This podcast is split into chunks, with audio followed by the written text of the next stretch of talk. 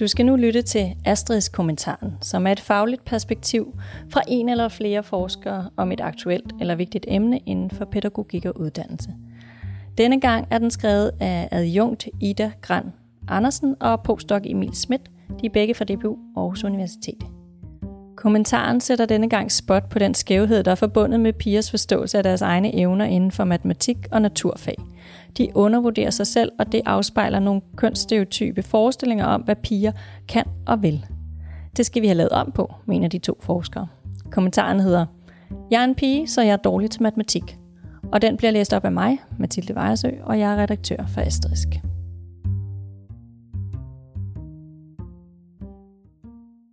Hvis vi gerne vil have flere piger til at orientere sig mod en uddannelse inden for STEM, altså Science, Technology, Engineering and Mathematics, står det for, må vi forstå det komplekse samspil mellem konstruktionen af kønsidentitet og ulighed i sociale kontekster.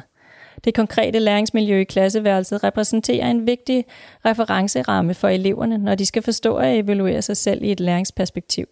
Og køn aktiveres forskelligt på tværs af forskellige sociale kontekster.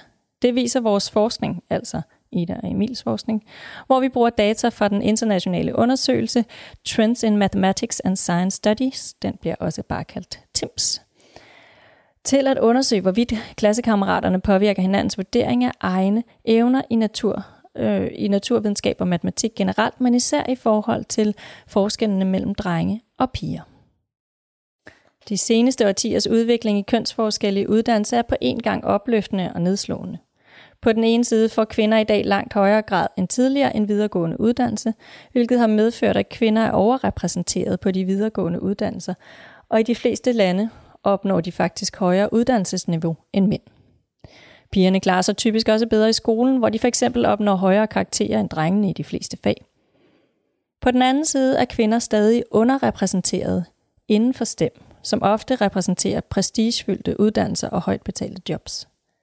Disse paradoxale ulighedsmønstre har gennem de seneste år optaget både forskere og politikere, dels fordi de er forbundet med tab af talent inden for, sek- for sektorer med stigende efterspørgsel, men også fordi kønsforskelle på de videregående uddannelser producerer uligheder senere i livet. En klar konklusion fra de seneste års forskning i kønsulighed er, at forskelle mellem mænd og kvinder ikke er drevet af iboende forskelle mellem kønnene.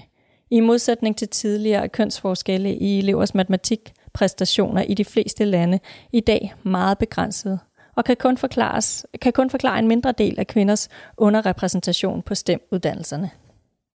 Det har udfordret forskere til at lede efter andre forklaringer, for eksempel ved at undersøge, hvordan sociale kønsnormer og stereotyper øh, former uddannelsesvalg. Dette fokus er blandt andet motiveret af en komparativ forskning, som viser, at kønsforskelle varierer på tværs af nationale og uddannelsesmæssige kontekster. Forskning har særligt fremhævet betydningen af kønsforskelle i motivation, præferencer og holdninger til stem, samt drenge og pigers faglige selvforståelse inden for matematik og naturvidenskab. Sådanne forskelle afspejler kulturelt betinget kønsopfattelser, som formes gennem sociale processer og institutionelle kontekster. Forståelsen af, hvad det vil sige at være dreng eller pige, konstrueres og forhandles løbende i de sociale kontekster, som drenge og piger indgår i, for eksempel i skolen. Derved kan køn være mere fremtrædende i nogle sociale kontekster og interaktioner end andre, og i forskellige institutionelle rammer og læringsmiljøer kan det aktivere bestemte kønsnormer og stereotyper for, hvad der er naturligt for piger og drenge.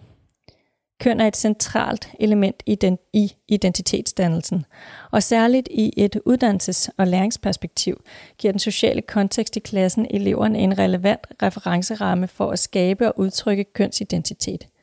Specielt inden for traditionelt set øh, stereotypificerede fag som dansk og matematik, kan læringsmiljøet spille en central rolle i forhold til at reproducere eller udforske eksisterende kønsnormer.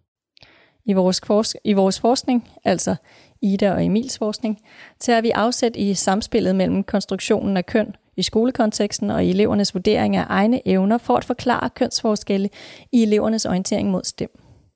Vurderinger af Egne evner indgår som centralt element i, for, i psykologiske forklaringsmodeller af uddannelsesvalg, og empirisk forskning bekræfter, at elevernes subjektive vurdering af egne evner er en vigtig indikator for fremtidigt uddannelsesvalg. Selvom vi i mindre grad end tidligere kan observere kønsforskelle i faglige præstationer i matematik og naturvidenskab, har forskning dokumenteret en bemærkelsesværdig konsistent forskel til fordel for drenge i vurdering af egne evner i disse fag. Vores forskning viser ligeledes, at når der tages højde for elevers faktiske faglige præstationer i matematik og naturvidenskab, vurderer piger generelt deres evner lavere end drenge. Det vil sige, at hvis vi sammenligner piger og drenge, som er lige dygtige i matematik, vil pigerne i gennemsnit vurdere sig selv dårligere end drengene.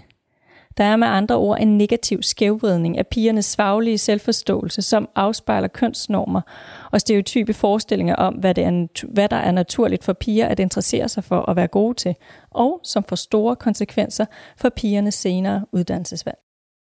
Et centralt forskningsspørgsmål for os har været, om der øh, kan findes faktorer i elevernes læringsmiljø i klassen, som kan modvirke skævvridning i pigers faglige selvforståelse.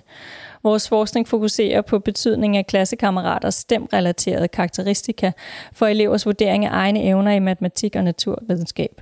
Vores resultater viser, at når klassekammerater klarer sig godt i matematik og naturvidenskab, har et positivt selvbillede og er engageret i fagene, så stiger også pigernes selvvurdering af, hvad angår egne evner i matematik og naturfag. Det er dog ikke alle klassekammerater, der er lige vigtige. Klassekammeratskabseffekter følger nemlig kønnede mønstre. Både piger og drenge påvirkes primært af klassekammerater af samme køn.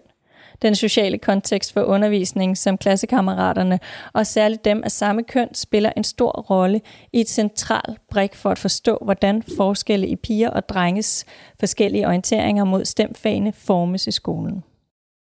Vores resultater viser samtidig, at selvom piger drager fordel af at være omgivet af stemmotiverede piger, så kan et positivt stemlæringsmiljø blandt pigerne i en klasse ikke udligne forskellen, kønsforskellen i drenge og pigers vurdering af egne evner. Selvom vores forskning fokuserer eksplicit på piger og på, hvordan læringsmiljøet påvirker pigers orienteringer mod stem, viser vores resultater også, at piger ikke er anderledes end drenge med hensyn til den måde, de påvirkes af klassekammerater i læringsmiljøet.